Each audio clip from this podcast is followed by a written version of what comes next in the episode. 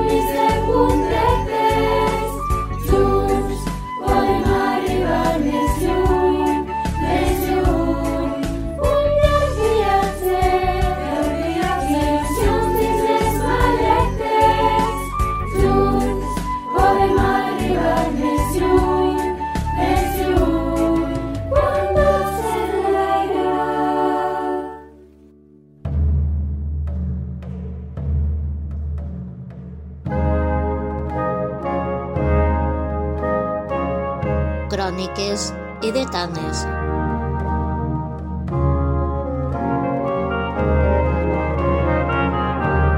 El podcast del Camp de Túria.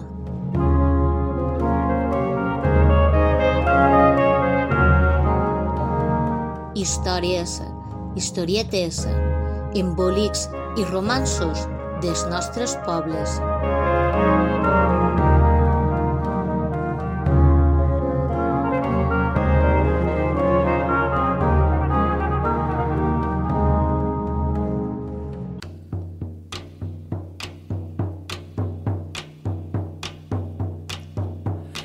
L'Eliana, del pare Carranza a la desamortització de Mendizábal.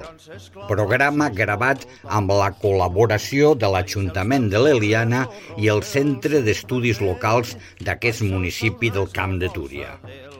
Aquesta dansa dels trulls del tall que esteu escoltant descriu el que es viuria a la taverneta, entre got i got de vi, allà pel segle XVI, en aquest mas situat en el pont del camí de Paterna sobre la sèquia nova del Campès, a l'altura de l'actual cementeri, i que ben bé podria haver donat nom a aquest poble quan les vinyes portaven vida plena a les terres de l'actual Eliana.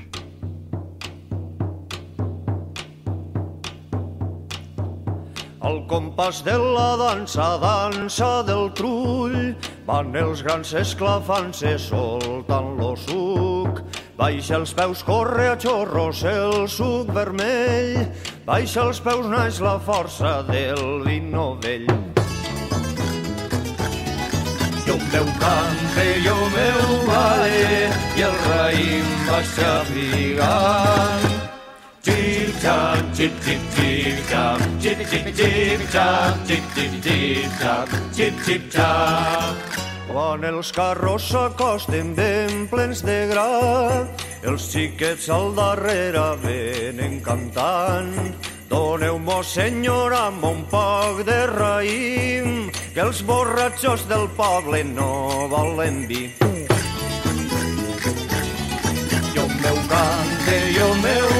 balle, i els xiquets vaig marmolant. Tic-tac, tic-tic-tic-tac, tic-tic-tic-tac, tic-tic-tic-tac, tic-tic-tac. El raïm negre es queixa als trepitjadors, m'esteu traguent el suc ja figant tan fort. Però a l'hivern, quan no hi hagi en què treballar, jo seré a la taverna qui us xafarà. Jo meu cante, jo meu balle,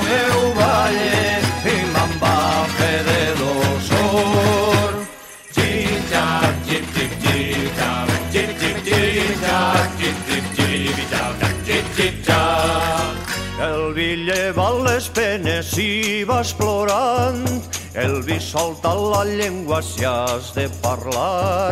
Tot allò que ara calles perquè tens por, li ho soltaràs a l'amo cridant ben fort. Jo meu cante, jo meu balle, mentre em torque la suor. Tic-tac,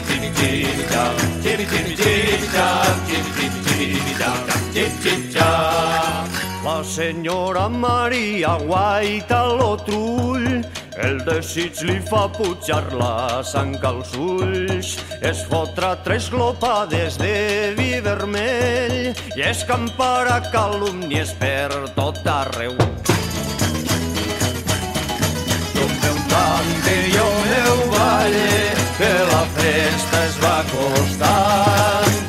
Tip-tap, tip-tip-tip-tap, tip-tip-tip-tap, tip-tip-tip-tap, tip-tip-tap. Amb somriure de moixa el senyor Retor va comprar tres garrafes del vi millor. Diu que espera les misses de Sant Bernat. Ja veureu quins sermons tan il·luminats. Cante, jo meu balle, m'encomani a tots els anys.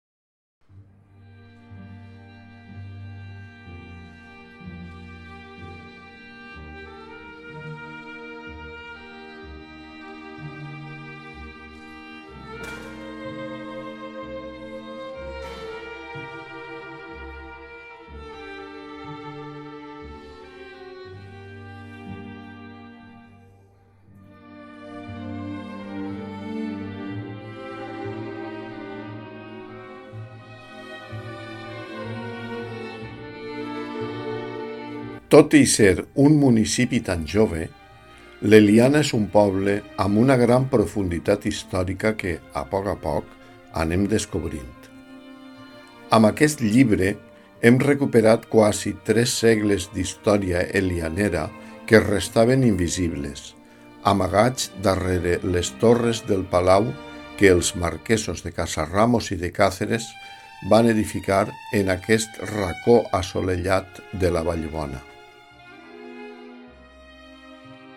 Ja ens podem traslladar al segle XV, on trobem el primer indici, la taverneta, lloc de pas, lloc de parada, lloc de trobada.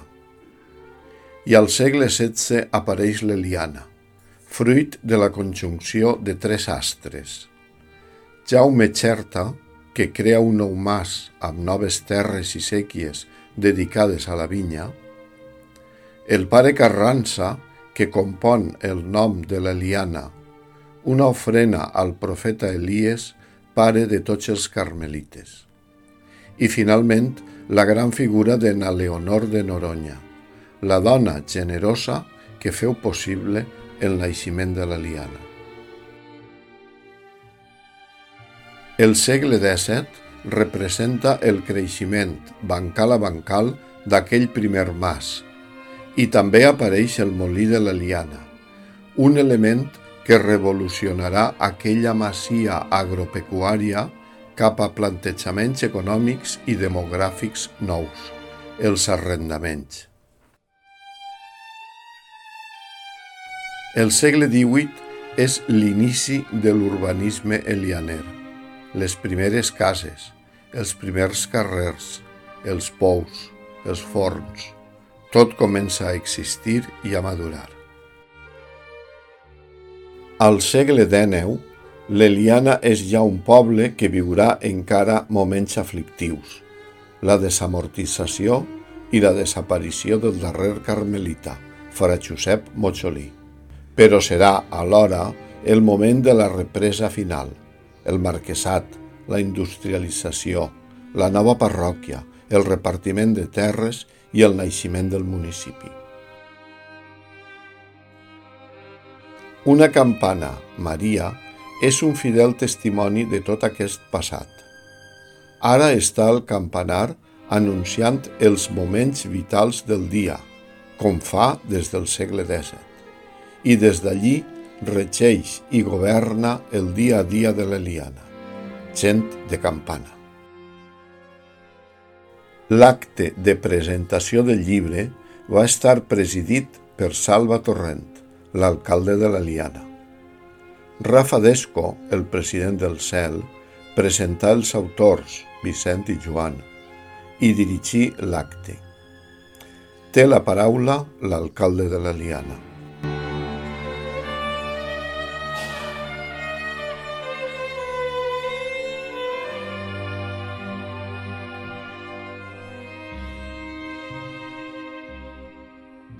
Que avui acull la presentació del llibre el llibre, jo diria, del, del librazo, el llibre de la Liana del pare Carranza a la desamortització de Mendizábal.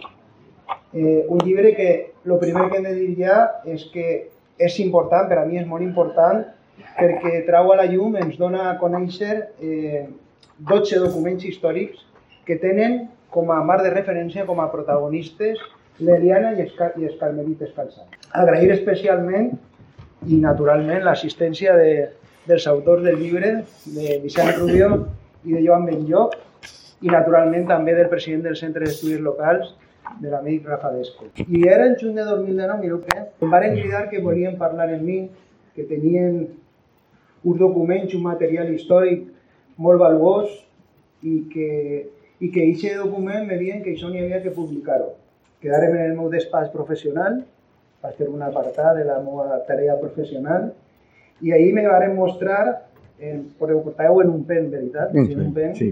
pues que hi havia 12, 12 documents que tenien com a protagonistes, com he dit antes, els carmelites i la Diana, documents que contemplaven 240 anys de la història del nostre poble, de 1595, quan els carmelites compren la primera, la primera compra dels carmelites fins a 1835 de, del pare Carranza a la desamortització de Mendizábal.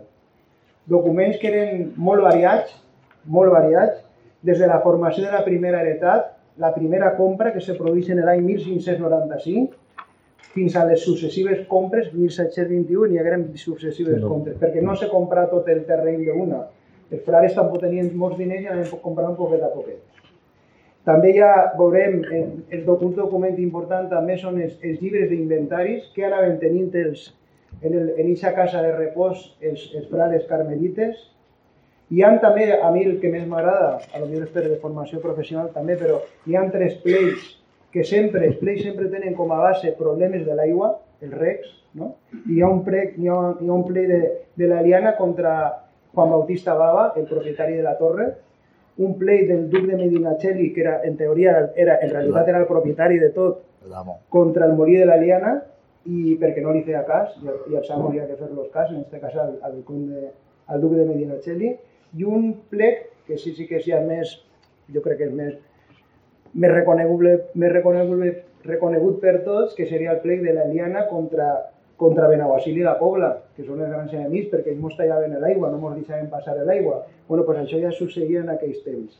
També hi ha un llibre sobre arrendaments, perquè els carmelites també tenien arrendades les seues terres, un llibre de comptes i l'inventari final de la desamortització, que és el que hi havia en aquesta casa de repòs quan se produïa la desamortització. A més d'estos documents, em van parlar de que que aquests 12 documents són l'eix central del, del llibre. Em van comentar que hi hauria tres capítols més. Uno era com era la Liana abans de 1595, perquè la Liana existia abans de 1595, abans de la compra dels carmelites, naturalment. Un altre que el dedicarien al topònim de l'Eliana, el nom de l'Eliana, i unes notes biogràfiques el completarien el llibre amb, amb 8 notes biogràfiques de 8 personatges que tenien molt a veure amb la nostra història.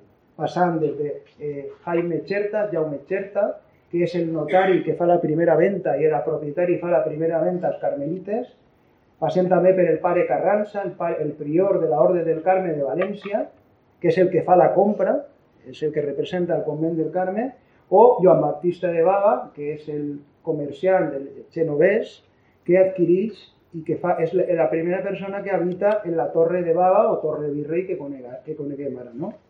Jo la, recorde que em vas quedar molt sorprès quan me van ensenyar tots els documents gestos i es vas preguntar, però d'on collons heu tret tot això?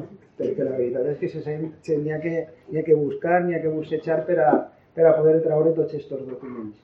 I a mi el primer que em va vindre al cap van ser dues coses, que eren documents que podrien servir-nos per a poder aprofundir en la nostra història, que per a mi és important, i en segon lloc, que ens trobàvem davant de documents que podien iniciar estudis posteriors, que jo crec que és el que busca este llibre, al final provocar l'estudi sobre aquests documents.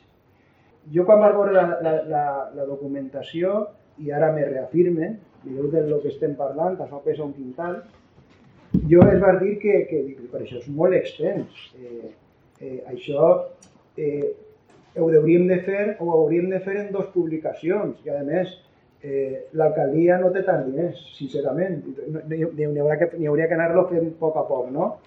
bueno, eh, va passar el temps, deixarem córrer el temps i es varen trobar amb la pandèmia.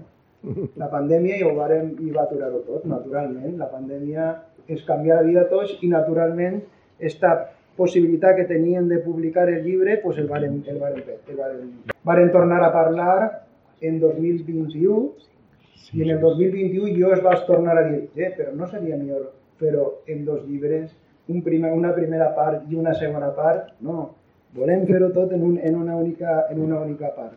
Bueno, i en el 2022 és quan ja se fiquem a treballar, demanem pressupostos i eh, decidim, i decidim tirar-ho endavant. I així estem. Avui, dijous 23 de febrer, 23F, i no és casualitat, no és casualitat, anem a presentar així a l'Aliana, van a presentar el llibre L'Aliana del, del, del pare Carranza a la desamortització de Bendizábal, llibre de Vicent Rubio i de Joan Belló. Un llibre sobre la història de l'Aliana adreçat fonamentalment als veïns i veïnes de l'Aliana interessats en la nostra història i que parteix d'una idea que per a mi és fonamental, que cal conèixer el passat per viure el present i per poder transitar o caminar cap al futur. Dos idees que vull traslladar-vos. D'una banda, una idea que és fundamental és que les institucions públiques, les administracions, en aquest cas l'Ajuntament, té l'obligació, o tenim l'obligació, de, de fomentar i de recolzar aquest tipus d'iniciatives, aquest tipus de publicacions. Perquè aquestes publicacions jo entenc que ens ajuden a reforçar la nostra identitat com a poble i que generen, i que generen vincles com a poble. I l'altra idea és que jo crec que tots els que estem així més o menys coincidim eh, tots tenim la idea molt clara de que hem de treballar per recuperar la nostra història, la nostra memòria com a poble. Jo crec que aquest llibre complís precisament això. Mireu, en este llibre recuperem 240 anys de la nostra història i la recuperem especialment per als amants de la història, per als amants de la història de, de la nostra història local, per als ciutadans i les, i les ciutadanes de l'Aliana que vulguin bussejar en el nostre passat i, el més important, la recuperem per a les generacions més joves. Jo vull agrair a Vicent Rubio i a Joan Belllloc, autors del llibre, pues, este magnífic treball i vos anime a continuar eh, treballant en esta línia, d'esta línia d'investigació de, de, de troballes. Naturalment, també donar les gràcies a, a Rafa Desco, al Centre d'Estudis Locals, perquè jo crec que nosaltres som, perquè jo formo part de l'associació, una, una, som una associació que tenim molt clar que és necessari conèixer la nostra història per poder viure el present i perquè lluitem sempre perquè els elianers i les elianeres no obliden mai, no perden mai els nostres orígens i la nostra identitat. Acabe. Bueno, pues en el llibre En infinito en un junco hi ha una cita literària de l'escriptor argentí eh, Jorge Luis Borges. I vull acabar en aquesta cita. I diu Borges, dels diversos instruments de l'home, el més sorprenent és, sens dubte, el llibre. Els altres són extensions del seu cos. El microscopi i el telescopi són extensions de la seva vista. El telèfon és extensió de la seva veu. Després tenim l'arada i l'espasa, que són extensions del seu braç. Però el llibre és una altra cosa. El llibre és una extensió de la memòria i de la imaginació.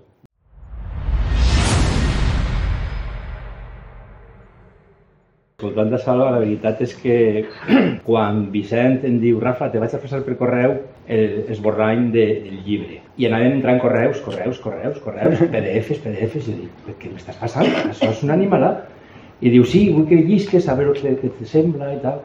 Eh, I vaig al·lucinar-me, me vaig quedar bocabadat. Vaig llegir el primer PDF i fins que no el vaig acabar no me vaig xitar. Fent els dos, de, de, de la nit i, i la veritat és que me quedaven ganes de, de tornar a llegir el segon. Me vaig llegir el llibre en 5 dies, 5 PDFs cada dia, cada dia un. I, i li vaig dir, Vicent, això és una xoia, això, això és impressionant. I dius, bé, efectivament, tenia que estar tot en un, en un exemplar, perquè per a no deslligar i per a tindre eh, l'obra eh, en conjunt al mateix temps. Mireu, jo destacaria el llibre així n'hi ha una cita que comencen, que està en llatí, però vol dir eh, que cresca i persevere, que l'honor i les joances perpetuen per sempre el teu nom, o inclita posteritat eliana. I esta, i esta eh, la van escriure en, en el segle XVII, la va escriure José Andrés eh, de cor carmelí, la veritat és que contrasta en esta altra que l'ha extret de, del pròleg de, que fa Joan, que diu la Diana, gent de campanya. I jo dic, això, això és una passada. Tenim una cita que comença que obri aquest projecte, aquest treball, text, és un text eh, cult i contrasta en un text col·loquial, com parla la gent del poble. I, i això és el que es parlen, no? Es parlen dels carmelites i es parlen de la Liana. Això és el que anem a trobar al llibre. Anem a trobar història, anem a trobar llengua i anem a trobar cultura, com no, cultura. Val? En la història és on anem a conèixer l'origen del nostre poble, l'evolució demogràfica, les transformacions econòmiques, així com l'essència d'antigues creences, festes i, i tradicions populars. En llengua és on es fa referència a l'aspecte filològic des d'una vessant eh, lingüística, Parla Joan, parla de fonètica, parla de morfosintàxics, de lèxic, de, de semàntica i com va, a través d'estos 240 anys, com va evolucionant. Això és una feina impressionant i és un material molt bo per al que ja salva eh, posteriors estudis i com no cultura, perquè ja podem dir que això forma part de la nostra, de, de la nostra cultura gràcies a, aquest treball que heu fet de divulgació, Joan i Vicent. Eh, pot ser també una eina d'investigació, com estava dient, per a la gent jove, per a aquell, aquella gent que vulgui bussejar eh, en la nostra història, eh, i com a un punt d'arrencada per a posteriors estudis. Posteriors estudis. En definitiva, on els autors, Joan i, i Vicent, amb passió, perquè me costa, passió, dedicació, es fan d'una manera molt acurada i exhaustiva la descripció de cadascun dels reculls documentals que, que és el que porta com a títol eh, el llibre. Recull documental, perquè són reculls i reculls i reculls documentals de la història. Este recull documental, per supost, l'ha produït, s'ha produït al llarg de 240 anys que, que avui veiem la llum en esta publicació.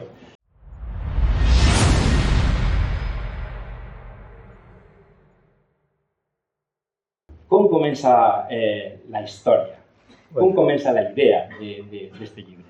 Pues con Salva ha dit, eh, Joan estava en el sindicat de recs de la Pobla i, i ell pues, tenia molts documents eh, copiats ja d'entonces. Sabia que l'Aliana eixia, sabia alguns xuïs de, del Carmen i, i m'ho va, va comentar.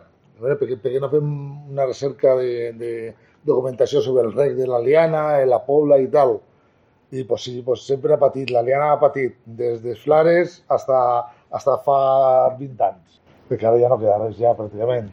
Entonces, eh, la idea era ixa, era emprendre a veure eh, tot el sistema de, de rec i veure el que s'ha patit en Xuins i en, i en tot. Però m'emprenguem a treure documents i, i, i del Carmen cada vegada n'hi havia més.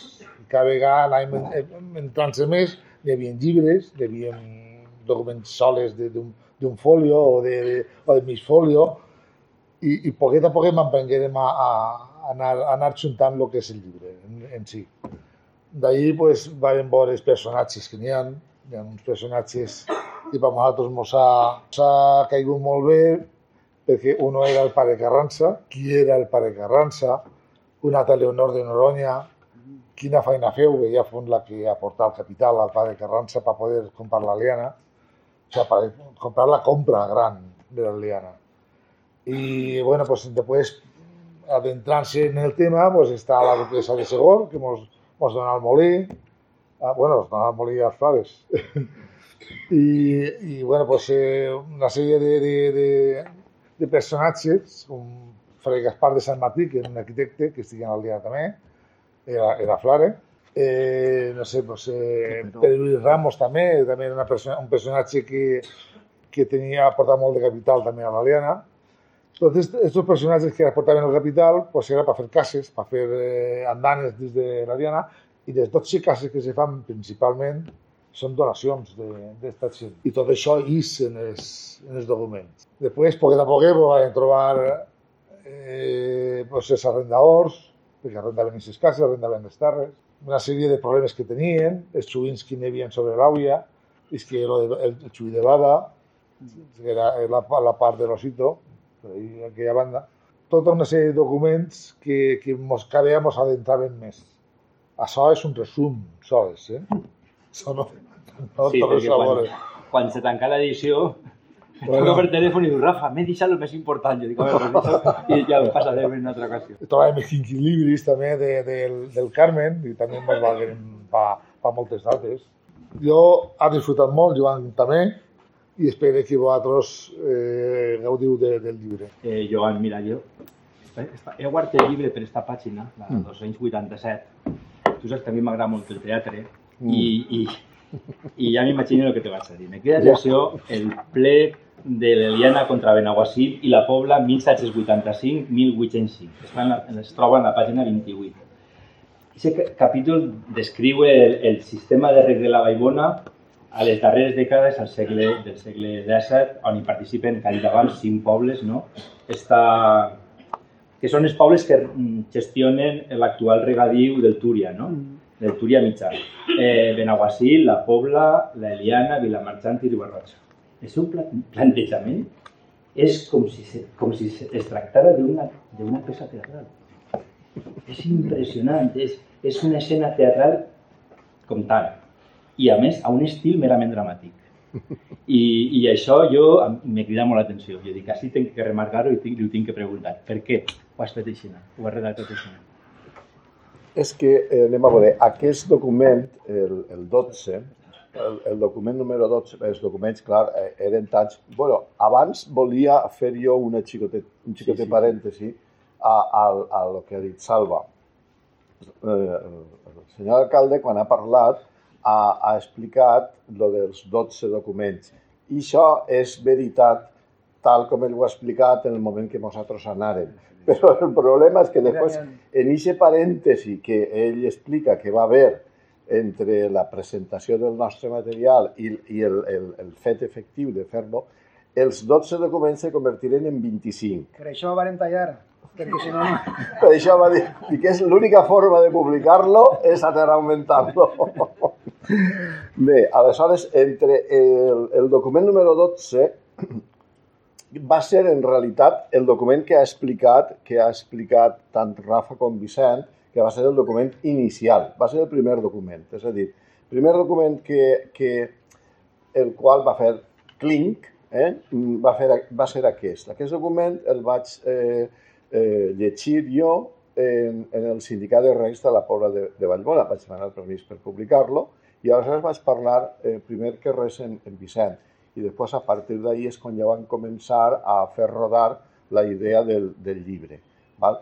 Este document me cridà moltíssim l'atenció, però molt, perquè era un d'aquells documents que dius, ostres, és que, és que és impressionant, no? Era un document grossíssim, molt gros, cent i pico de pàgines tenia a, a mà, o, o més, no ho sé, no ho sé. Així ne té, té, té 100. De, de la 287 a la 383. Eh, eh, així ne té 100. Eh? I, i en l'original també, però en l'original deuen de ser moltes més. bueno, me crida molt l'atenció per què? Perquè és un document que engloba alhora en un sol fet, en un sol fet jurídic, o en un judici, diguem, en un judici únic, agrupa, a, a, a, junta Benaguasil, la Pobla i l'Eliana, tres actors judicials que apareixen els tres, i estem parlant de 1780 aproximadament, no? I apareixen els tres actors. Després apareix, i n'hi ha altres actors secundaris. Veia jo que hi havia altres secundaris, com Llíria, Benistanó, Vilamarxant, i Ribarroig, etc. Però, però especialment hi havia tres que me cridava l'atenció, que dic, quins tres, no? Benaguasil, la Pobla i l'Eliana. I estem en el segle XVIII. No estem en el segle XXI, que avui en dia pues, seria un fet possible, però és que estem en el segle XVIII i apareixen els tres, no? I com? Però lo, més, lo que més me crida l'atenció era el moviment d'uns amb els altres. És a dir, jo veia eh, Benaguasil quines jugades feia, veia la Pobla quines jugades feia i veia la Liana com se movia. Eren, són tres jugades, eh? van els tres. I mm, i dic, aquest document és, el document és com la primera pedra d'un edifici, no? molt, molt important. Tan important que, que quan l'acabí me quedé tan enamorat del document que dic, m'encantaria poder transmetre a la gent el que jo sent en aquest moment. I aleshores és quan vaig fer un preàmbul, un preàmbul eh, en el qual, eh, tal com ha dit Rafa, i aquest preàmbul jo tracte d'explicar a la gent que el llibre però els introduïsc d'una manera, efectivament, no és pura casualitat, efectivament, els introduïsc d'una manera teatral, dramàtica, dramàtica en el sentit de teatral. Eh? Només vos llegiré unes poquetes línies, no? Però mireu, Fray Francisco arrugà els llavis i pressionà les barres mentre esmussava les dents. Ple de santa ira i de continguda indignació, alçà la vista del breviari i mirar el fraret que tenia al davant i exclamar ¿Y qué más? Fra Martí, amb el cap cot davant el prior, s'estrenyia les mans, amagades dins les amples mànigues de l'hàbit, mentre es deia amb un lleuger tremolor. El bajocar també s'ha secat, pare mestre. Ah, digué amb por, les faves estan semes i de melons enguany tampoc en menjarem. Esto es el colmo, proferí Fray Francisco mentre tancava d'un colp el breviari i l'eco repetia pels solitaris claustres aquell esclafit somort. Mañana me van a oír estos labriegos. Nos dejan sin agua. i els llogaters estan quebrament, interrompé Fray Martí. Diuen que quines terres han llogat pagant sequiatge i sense aigua. Està bien, hermano, digué amb un gest impera imperatiu. Retírate. Bueno, Està- ja, etc. bé. Continua, eh? Continua. Encara després eh, va a Benaguasil, va a la Pobla, després va a agarrar la burreta, va a Benaguasil, tots li fan agasajos, després tal com entra i ix- tot, els de la Pobla s'aprofiten en un sentit, els de Benaguasil s'aprofiten en un altre i, i, i ja, bueno, i després ja... Eh, moltes gràcies, Rafa. No sé que t'he improvisat, eh? T'he pillat. M'has pillat. Vale, vale. Bueno, pues, Vale. eh, i al final, bueno, la, la història comença, comença efectivament així, tot un judici, eh, perquè en la liana els, els llauradors, com heu pogut veure en aquesta petita dramatització, els llauradors estaven que bramaven perquè no tenien aigua. Eh? Entonces el fray Francisco se'n va a la pobla a demanar aigua i els de la pobla li, diu, li diuen que molt bé, que ells estan al seu costat per tot el que necessite, però que la culpa no la tenen ells, la culpa la tenen els de Benaguasil. Después, entonces, Francisco se'n va a Benaguasil, conta la mateixa història, i en Benaguasil li peguen palmaetes, parlen de les almenares, parlen de totes les coses, i l'envien. I al cap de dos dies li contesten els de Benaguasil i li diuen todo lo que usted pide no ha lugar. li contesten així, no? I, i a partir d'ahí comença una guerra, és curiosíssim perquè en realitat és una guerra Mm, no és com la d'Ucraïna, la d'Ucrània, però, però mm, sense tirs, però per ahí va la cosa. Una guerra tremenda entre Benaguasil contra la Pobla i la Pobla contra Benaguasil. És una guerra sense quartel, no n'hi no ha. S'aprofiten de tot. Però el que, el, eh, eh, tant uns com els altres, la liana està ahí entremig dels dos I l'aigua sense arribar. i, i l'aigua sense arribar. Però està molt bé, el, el document és una preciositat perquè al final eh, el pobre Fray Francisco no trau el gat del sac, és de la pobla l'enganyen com un xino i els de Benaguasil se xiren completament d'esquena. No trau, no trau l'aigua del sac. I al final, passen 10 anys, i al cap de 10 anys, ve un altre eh, carmelita, molt més intel·ligent, que coneixia molt bé com funcionava l'horta eh, i com funcionava el rec, i entonces este se'n va ja directament a Llíria, parlant amb l'alcalde, i en, en una sessió única ho aclareixen. Jo, eh, és, és, eh, sí, és un... Al, al final, al final del tot, el, el, el plet este acaba així, quan s'acaba tot, que se solventa el problema de la liana, que era el problema principal, eh, els de la Pobla volen continuar la guerra i el que fa el- l'alcalde de Benaguasil és que agarra el llibre a on està el, tot redactat, el llibre que jo he transcrit i que està així, i aquest llibre físicament l'agarra, el tanca i se'l fica en un caixó en sa, se l'endú a sa casa i diu, s'ha acabat el xuí, ja no n'hi ha res més. I se l'endú a sa casa el llibre. I al cap d'un temps la Pobla el demana i al final el llibre torna, però li falten unes pàgines. I ahí s'acaba la història. Bueno, en fi, és una, és una història per començar i acabar.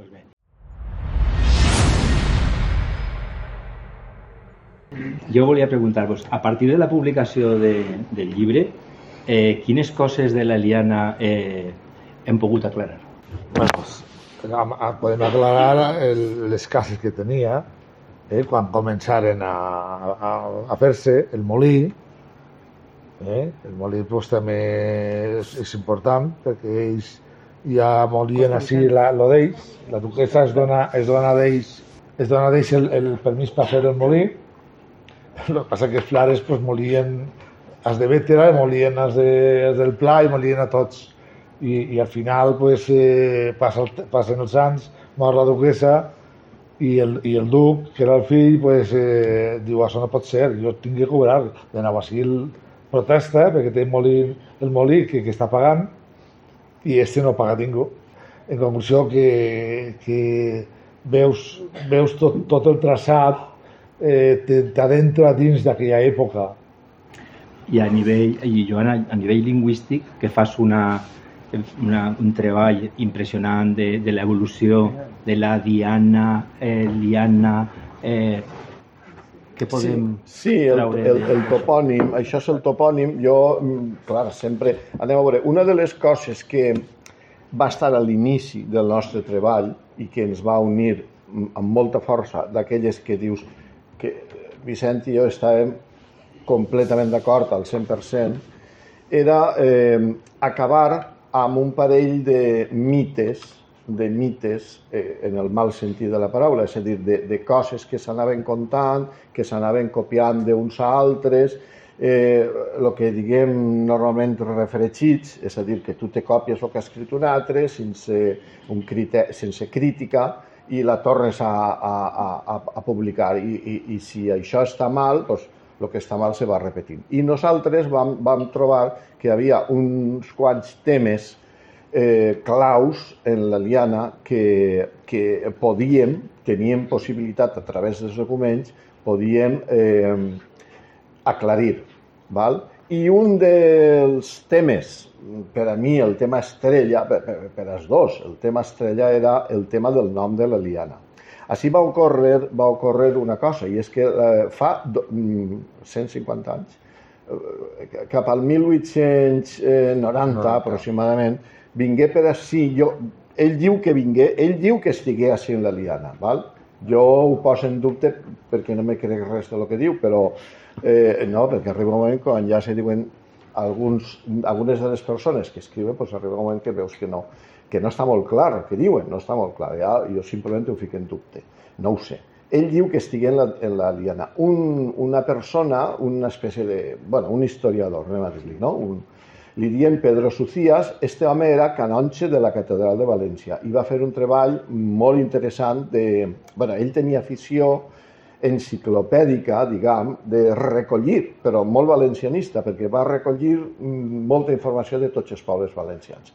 Va fer entre altres coses, que no sé si ho faria ell, però probablement sí, un plano de la liana, que l'haguem pogut ficar, un plano de la liana, un dels més antics. Fixeu-vos que estem en 1890, en l'època dels marquesos, i ell fa el primer, probablement el primer plànol, el primer plànol de la liana. No, no, així no està, perquè, no, no, està perquè no és de l'època carmelita, ah, és posterior, clar, és posterior i no, no entra ja. I, i és també va fer el plano. I, entre altres coses, a més a més de fer el plano de la Liana, va contar moltes històries, moltes coses, algunes estaven molt bé, en altres s'equivoca moltíssim, però una de les més terriblement sagnants mmm, que va contar mal va ser que ell s'inventà una historieta que ha anat pegant voltes. I és la historieta de l'ermita de Sant Elias i Santa Anna, y de ahí viene San Elías y Santa Ana, la Eliana. Diu, como es un lugar de, de cuatro gatos que no vive casi nadie y tal, diu, pues ahora le llaman la Eliana. És que ho diu així, eh? Diu, literalment.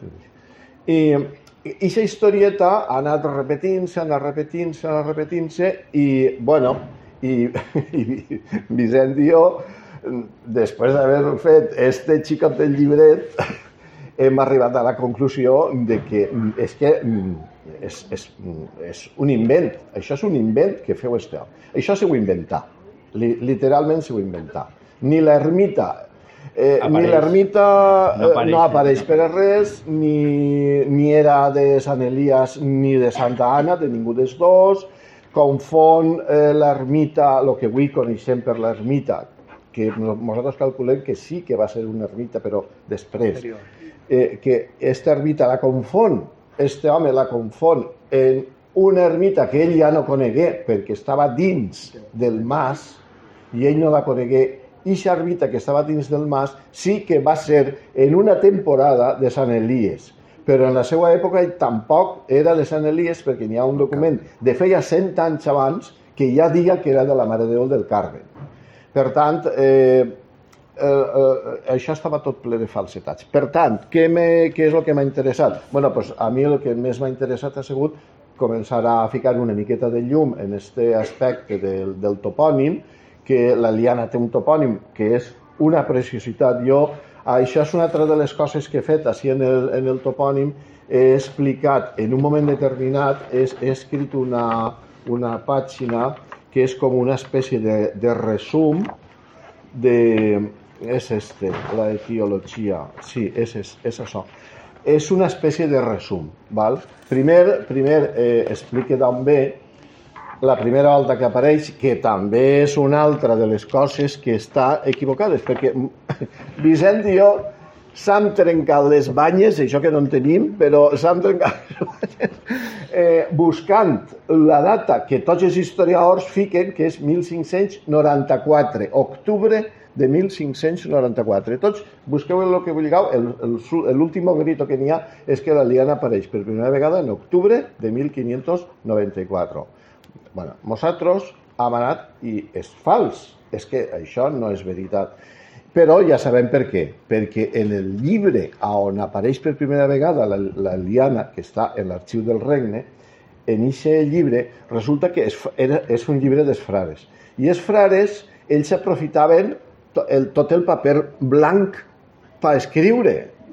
I, si, i, i en, un llibre, en una pàgina on havien escrit una cosa d'octubre del 94, després, en febrer del 95, dos o tres mesos més tard, pues escriuen més coses damunt, dalt, a la part de dalt. I Entonces, clar, si tu llitges, veus que baix diu octubre del 94, però no és octubre del 94, és febrer, perquè a més diu en hebrero, que això s'ha escrit en castellà antic, febrer del 95. És la primera volta que apareix la liana, val?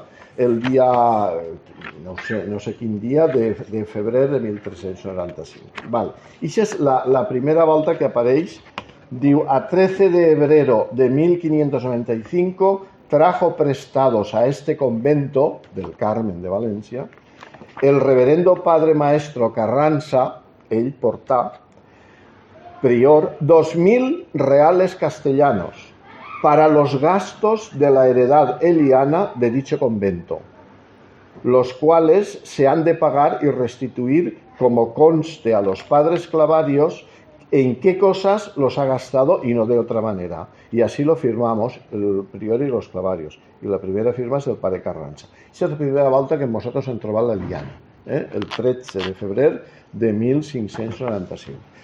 Eh, a partir d'ahir comença la liana fins avui. Ja no ha, ja no ha hagut ningú, ningú gran, ningú gran canvi toponímic. Eh? Canvi toponímic gran no n'han hagut. El que passa és que eh, després jo ahí explique que la, la, la liana, efectivament, eh, durant tota l'època carmelita, durant els 240 anys carmelites, la paraula eliana, que avui diguem la liana, i punt. Però antigament tenia un valor d'adjectiu, era un adjectiu. La casa eliana, la heretat eliana, la masia eliana, era com un adjectiu. Eh? I, i, ta- però també era nom, també apareix com a nom. És a dir, quan volen el fiquen com a adjectiu i quan volen el fiquen com a nom. Escarbant una miqueta, he mirat els llibres que escrivien en llatí els frares carmelitans i resulta que en llatí passava exactament igual. Que I, té, I apareixia en H. eh, bueno, en H apareix alguna vegada, molt poquetes vegades, però apareix en H. Però això depèn de com escrigues Elias. Si escrius Elias en H o escrius Eliana en H, i si no. Però el que passa és que ell, ells eh, tenen també en llatí té el doble valor d'adjectiu, casa eliana, o domus eliana, o, o substantiu, no? I entonces també quan escriuen en, en castellà també li donen aquest doble valor. Bueno, i a partir d'ahí tal. I jo me vaig preguntar, de tota manera el nom està clar, eh? Però a mi el que més me va cridar l'atenció, i, i si voleu acabe encara que sigui això, és per què els frares, o sigui, el, una cosa que en, en, en toponímia diguem etiologia. Etiologia vol dir per què se fica el nom a les coses. Per què fiquem este nom a esta cosa? I aleshores jo me vaig plantejar per què la, la liana se diu la liana? A sant de què? Per què? Per què? No ho sé, però jo he posat així mm, lo que, el, el, el que jo crec. No? Com ha dit Vicent també, imbuint, imbuint-nos, perquè nosaltres hem imbuït en el, en el, en el pare Carranza i hem estat allí, imbuïm-nos en aquell moment, aquell moment, el moment de fundació de la Liana, va ser un moment espectacular, eh? perquè era el moment que eh, estava passant, eren els, el, el, els, els anys de després del concili de Trento. I això per als frares tenia molta importància, eh? el concili de Trento. Però és que el concili de Trento i el moviment que hi hagué en el segle XVI dels, dels, eh, dels, de, de, de l'Església catòlica front a la protestant, perquè és que estem en aquest moment, eh, passa una cosa molt curiosa i és que quasi totes les ordres religioses, començant per els carmelites, però també els franciscans, és, tot, totes les ordres religioses, va ocórrer una cosa molt estranya i és que totes les ordres religioses ocorregué eh, una cosa que avui passa en els partits polítics, curiosament, o sigui que és fàcil d'entendre perquè avui passa en els partits polítics. El purisme, eh? és a dir, hi havia dins del, de cada ordre religiós un grup d'aquest mateix ordre que dient eh, no estem fent les coses com volia Jesucrist. Mm, estem, han passat molts anys i ja no som els verdaders eh, cristians mm, o els verdaders franciscans de Sant Francesc o els verdaders carmelites del Carmelo. Ja no. Això que n'hi ha ara, eh, en el 1600, 1500, ja no és. I aleshores hi hagué un moviment dins de cada ordre de renovació interna i al mateix temps de lluita contra el poder d'ells. Això, si, si no s'entén, és a dir, jo, per mi, això és un fet curiosíssim que hi vaig descobrir llegint el pare Carranza. I aleshores vaig dir, i el pare Carranza on estava situat? En els renovadors o en els vells mm, apoltronats? No ho sabem. Aleshores, el pare Carranza, quina situació tenia? Clar, llegint llibres i llegint coses, vaig veure que just uns eh, 3 o 4 anys, crec que era, bueno, al voltant de la, del mateix any de la fundació de l'Àrea, 1595, ara no me'n recordo de memòria, si era un poquet abans un poquet després, el Carme, l'ordre carmelitana, feu catacrac, se partí per la meitat. Tots heu sentit parlar de Santa Teresa, que per cert fa molt poquets anys que s'ha celebrat sí. el centenari de, no sé si fon, del, del... Bueno, però Santa Teresa era carmelitana, era una carmelita. I ella i Sant Joan de la Creu, eh, ells van, són els protagonistes de tot un moviment en contra dels mateixos carmelites, eh, perquè volien eh, fer-los, eh, renovar-los.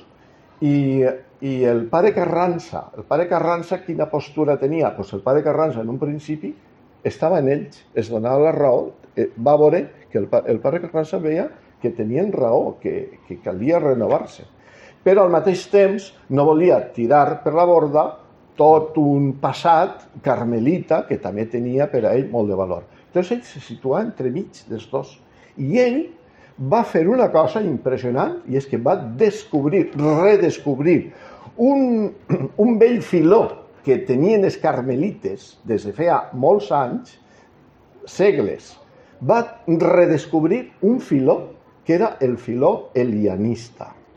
Mireu, Sant Elies, bueno, és que aquesta història no poso la conte perquè estarem hasta després de o l'altre, però simplement la figura de Sant Elies representava la puresa màxima, perquè, clar, Sant Elies és que és de antes de Jesucrist. O sea, ja no és que fora de Jesucrist, és que era de 2.000 anys abans de Jesucrist, bueno, 2.000 no, però de no sé quantíssims anys abans de Jesucrist.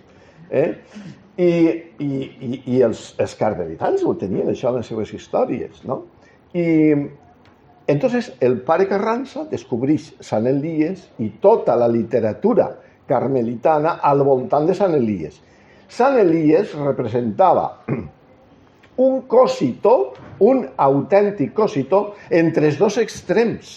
És a dir, els, els, els de Santa Teresa i, i de Sant Juan de, de la Cruz eren fervorosíssims eh, devots de Sant Elies i els altres encara més, perquè eren els de tota la vida de Sant Elies. Aleshores, Sant Elies representava la unió dels dos corrents, que era el que el pare Carranza volia, que no se trencara l'ordre. Perquè el pare Carranza, ja vos he dit, e, era la centralitat màxima ell comprenia uns i comprenia els altres. I va dir, així hem d'anar per Sant Elies. I començar a fer propaganda de Sant Elies. I en aquest moment apareix que resulta que anem a comprar un mas per ahir per la Pobla de Vallbona, a un mas. Ai, i com se diu? No sé, allí diuen la taverneta, diuen no sé què, deixa, deixa't estar, deixa't estar. La Eliana. S'ha acabat. La Eliana. Més propaganda impossible. Eh? I això és la meva teoria. Eh? La meva teoria, i la veureu en el llibre, que tal com està explicada, és a dir, ell utilitza la, la, el mas de la Diana que van a comprar, que estan comprant en aquest moment, i li fica aquest nom que se l'inventa ell i, i, i en este primer document que hem vist i ell pues, fica aquest nom. Així és que Rafa crec que te contesta. Me has contestado, tenía taberneta así, taberneta per què, eh, Sant Elies per què i tal, no? l'ermita perquè si no apareix en tot el document el recull que és l'ermita, per què diguem coneguem l'ermita.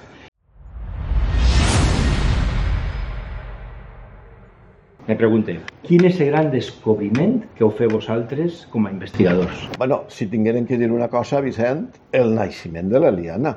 Sí, no, això, Això és el gran descobriment que hem fet, és que nosaltres hem vist, eh, Vicent, nosaltres hem vist néixer l'Eliana, però de, de veritat, eh, taulellet a taulellet, reixa a reixa, sí o no, Vicent? Reixa a reixa, pedreta a pedreta, Clar, de res Les cases, eh, te, te diu la pallissa que van fer, o l'andana que li han fet a aquesta casa, o la barraca que han tirat per fer una altra casa, i te va, te va donant el pas a cada casa que s'ha fet. O sigui, les 12 cases que se fan estan totes documentades.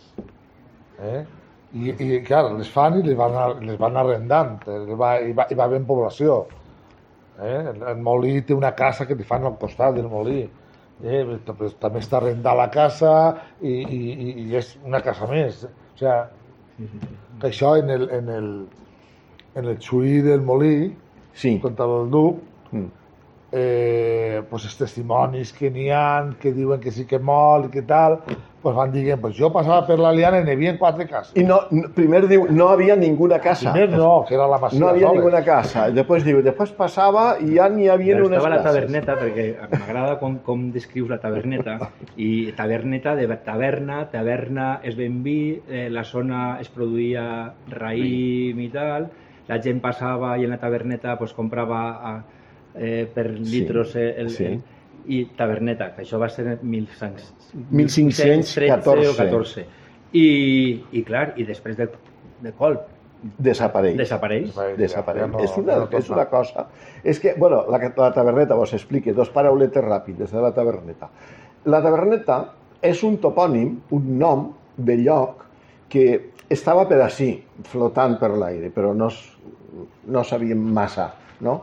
Eh, jo sabia per la documentació, a, anem a veure, al llarg del segle XVI jo me vaig trobar al final, me vaig trobar tres punts mm, documentats de la taberneta. La taberneta apareix tres vegades en la documentació. Una en 1514, una en 1575 i una en 1595. Eh, tres vegades apareix la taberneta. I en aquestes tres vegades diu, què diu? En cap de les tres vegades diu què era la taberneta. No sabem el que és. Però sabem que era un lloc on la gent era un lloc mm, de, de direcció, eh? és a dir, un lloc que la gent dia vaig a la taberneta. Era un lloc, eh, era un topònim eh? co- conegut. Sabem que la taberneta tenia al costat un corral, el corral roig, que estava pegat a la taberneta. Eh? Però eh, és curiós perquè jo, personalment, al llarg del llibre, he evolucionat la meva, la meva visió, Vicent i jo, eh? eh, eh, discussions algunes llargues i sobretot que no hem, encara no hem fet les paus ell, ell, i anem discutint perquè, bé, però anem aclarint-se. Jo personalment he mm, madurat, he canviat, he, he, evolucionat la meva visió de la taberneta. La, per a mi la taberneta en un principi era, eh, perquè els documents diuen clarament que, ara veureu, vosaltres escolteu el que diu el document. El document diu, la taberneta està en el pont del camí de Paterna sobre la sèquia del Campés. Val? Això diu el, El paterna El camí de Paterna el és- camí de la Pobla. Eh? El camí de baix de la Pobla, que cruza, cruza per, per, per l'Aliana, el que és l'avinguda de la, De la Pobla de Vallbona. i se'n va per on està la fira. Eh? Això era el camí paterna. Vale. I aquest camí, en algun lloc, travessa el camp, la sèquia del Campès. Sabeu on la travessa? En la rotonda que està a la reixa. On estan les està, eh? Ahí, per ahí. Per tant, si nosaltres agarrem la documentació de 1514 i diu eh, està en el pont del camí de Paterna sobre la sèquia de, del Campès, doncs pues és ahí. I, eh, clar, jo ràpidament dic, doncs pues ja està, la liana és la taberneta. Després venen els frares, no els agrada aquest nom, perquè entre nosaltres i, entre nosaltres i que no s'entén ningú, el Carme és una paraula, que això ho dic ahí en el llibre, és curiós perquè el Carme és una muntanya, ja ho sabeu, no? El Carme, se diu el Carme, perquè el Monte Carme Car- és Monte Monte Carmelo. Carmelo. Carme, Carme, és una paraula que vol dir la vinya. En, en, en Palestina, el palestí, en la llengua en àrab, en la llengua semítica, carme vol dir vinya. Eh? I aleshores segurament ja diuen, ja, és que ja n'hi ha mas- massa vinya per tots els puestos, tavernet, això me falta, la taverneta ja mos diuen prou, pues, entonces, no, l'Eliana. Va, aleshores, la taverneta estava, teòricament, en la rotonda esta, però després hi havia altres documents que continuaven dient que estava ahí, en aquest lloc, però no quadraven, a mi no me quadraven les coses. Clar, més tard vaig descobrir una altra de les coses que hem descobert també és el trajecte que fa la sèquia del Campès. La liana, ja sabeu que és un producte de la sèquia del Campès. La liana no existiria sense la sèquia del Campès. Però la sèquia del Campès que nosaltres hem conegut no és la sèquia del Campès que ha existit sempre. Eh?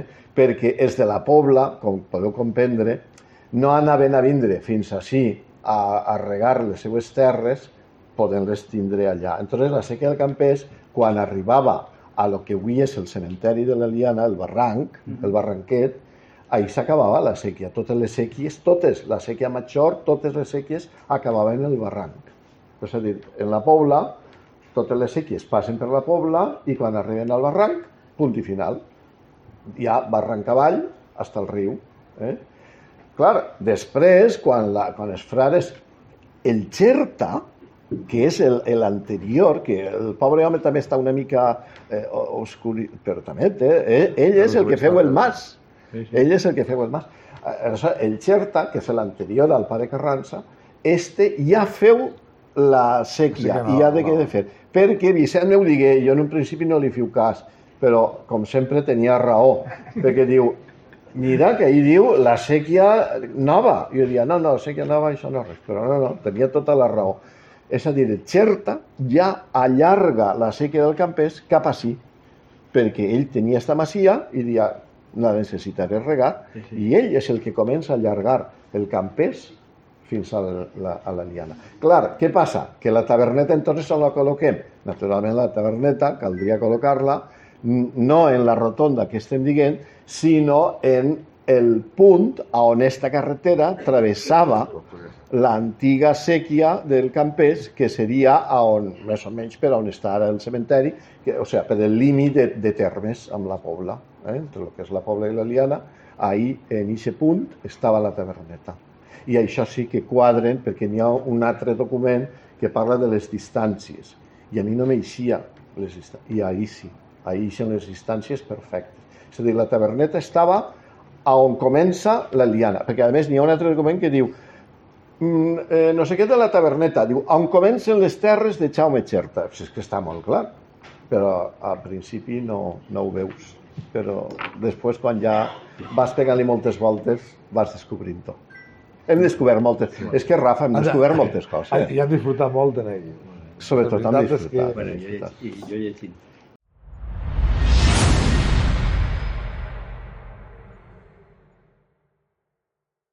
Epíleg amb les reflexions finals. els frares se dedicaven, van, van inventar el, la qüestió esta dels arrendaments, val? perquè va ser un moment que ells van començar a ficar en marxa.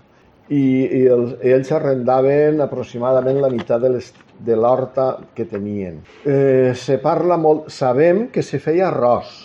Eh? La liana se fa arròs, perquè apareix l'arròs en, la, en la diana. Sols. Sí, bueno, a banda de, clar, naturalment de tot, però que l'arròs se fe... No, ho dic per lo de les anguiles, Ah, ja, perquè ja. millor alguna anguila n'hi hauria per l'arròs. Eh? Mm, per tant, se fe això. Però del el barranc de Mandor, que és on podien estar les anguiles, és que, clar, això també és molt important. Nosaltres estem acostumats a... Tenim en el cap el mapa actual de, de la Liana i el mapa dels carmelites era distint. Era, com, com no sé si ho hem dit així o, o abans, era el barranc, el gran, tot el barranc i el barranquer de la, de la, de la, de la. Pobla, No, el el, el, el, El de Bono, el de Bono, el barranquer de Bono i el barranc de Mandor eren la frontera amb la Pobla. Eh? És a dir, que per una banda l'Eliana agafava molt de tros per lo que és l'Osito, tot això ho agafava fins al mateix barranc, però per una altra banda tota la part del bar... que està a l'altra banda del barranc, és a dir, Masia del Pilar i, i Bava, tot això quedava fora de la- de l'Eliana. Eh? L'Eliana carmelita eh, s'acabava en el barranc. bueno, aleshores, el barranc no era dels carmelites. És a dir, si hagueren hagut anguiles, ells no, no podien tocar-les, perquè eren, diguem, el, el, la frontera. podien vindre els de l'altra banda i dir, no, aquesta anguila és meua. Jo, de tota manera, n'hi ha una coseta que volia dir. Ah, pues. La última, molt ràpidament, eh? La, volia afegir una última cosa, encara que siga, i és una cosa que, Vicent, no, no l'hem parlat, però que la volia dir. És la següent. Eh, És que justament ahir estigui en una xerrada molt interessant d'un historiador, Juanjo Adrià. Ell és un historiador que s'ha passat tota la vida ensenyant història. I me va dir una frase, me va cridar molt l'atenció. Diu, l'atzar forma part de la història. I, clar, és una d'aquelles coses que no te l'esperes, perquè els historiadors sempre parlen de les, les causes, els efectes, això porta... No, no, i de repente diu, el gran historiador diu, l'atzar forma part de la història. Jo volia parlar, i volia simplement anomenar l- la quantitat de vegades la, eh, sí, la, la, l'atzar vull dir la, no sé, com dir, la, la casualitat, eh? la casualitat. El azar. Eh, el azar. El azar. Sí, sí. Eh, forma part de, de, de la història. I en la liana, jo diria, i en la liana més. És a dir, és un verdader miracle l'existència de la liana, però un miracle, és a dir, quan, quan este llibre, si llegiu, diverses vegades, Vicent ho sap també igual que jo més, diverses vegades la liana està a, mm, mm, és que no sé quina cosa gràfica ha fet, però diguem, a punt de desaparèixer. Vàries vegades, vàries, moltes. Eh? Una en concret és eh, el judici del el famós judici del Molí, que l'ha comentat Salva i l'ha comentat Vicent, el judici del Molí, que aparentment és un judici que no té molta importància perquè no sabem molt bé mm, què, és, eh, què passa allí, pues, i en aquest judici és impressionant, simplement vos heu dit. A veure, la marquesa, la duquesa de, de Sogorb, que era la senyora d'ací, eh, dona permís per a fer un molí, val? que ja ho hem comentat. És el molí. El molí és capdalt per a, per a la història de la liana. Eh? El molí, el, El- el, el el molí, el molí, el molí que és el del carrer del molí, és a dir, quan, isque, quan eixim d'ací, la casa que tenim enfront.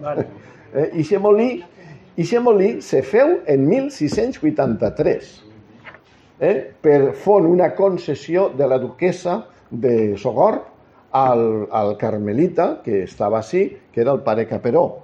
I, i este eh, fan el molí. Bé, este molí, ara no vos ho conto, que és molt llarg, està ahí ben explicat en el llibre, però este molí després, al llarg dels anys, eh, quan passen eh, cap al 1750 i pico 60, eh, resulta que un descendent, el, el que era eh, duc, en aquell moment que era un, un net o un rebesnet d'aquella du, duquesa, aquest home s'enfada moltíssim.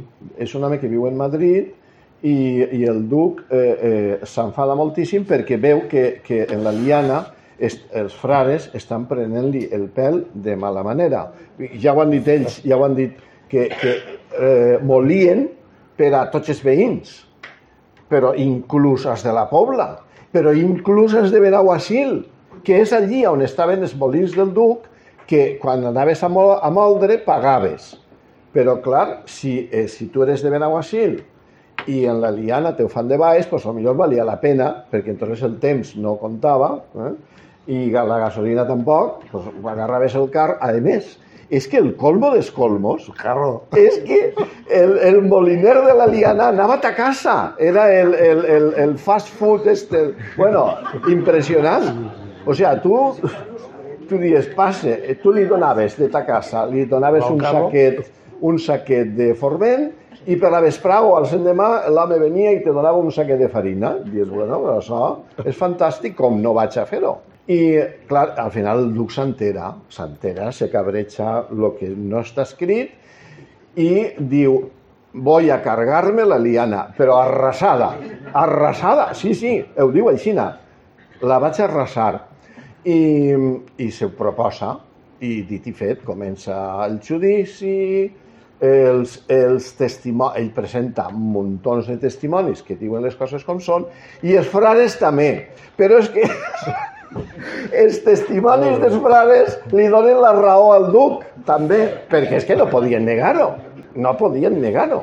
O sigui, el colmo, i al final, el, bueno, de tota manera, eh, bueno, la cosa és, és prou divertida. Ahir també he fet una xicoteta introducció semi, semidramatitzada. ja, llegiu-ho. El que vull dir és que en aquest moment, parlant en sèrio, en el, en el convent de València, els frares fan eh, diverses votacions a veure què fan, perquè el duc ha dit que això s'ha acabat, que s'ha acabat de deberes, i entonces ells no saben si vendre ràpidament, vendre la liana, corregent, o, o si fer-se longuis i llogar-la i no sé què, i estan desesperats, però desesperats, i apareix ahir gràcies al, al quinquelibri. Això està en el quinquelibri, eh? en un dels documents eh, explica com fan les reunions, eh, antes de dinar, toquen la campana i fan votacions, votacions democràtiques. Eh? Ells dins del convent eren molt democràtics. Estaven els d'una classe social i una altra, però eren molt democràtics. I, i van votant i, i estan desesperats, no saben què fer. I quan està el tema en lo més calent, el més interessantíssim, que ja estan a punt ja de, de, de, ja no saben què fer, a que no sabeu el que passa. Se mor el duc. Se mor el duc. Se mor el duc. Efectivament, se, eh, se mor el duc. És impressionant. És impressionant. Ara, digueu-me, l'atzar té algo que veure en la història de la Liana, però és que històries com esta n'hi ha un fum, n'hi ha diverses, moltes més, eh? diversos moments més que, que, que la Liana està a punt de desaparèixer. Fins ací la presentació del llibre. Agraïm a tots els que han fet possible l'aparició d'aquest nou volum documental la seva generositat i la possibilitat que ens brinden d'aprofundir en el coneixement del nostre passat. Fins ací, un nou programa de cròniques edetanes. que la vida ens dona un camí ben llarg. El cor de la Liana amb Lluís Llach en una actuació a la plaça de Bous de València al 2016.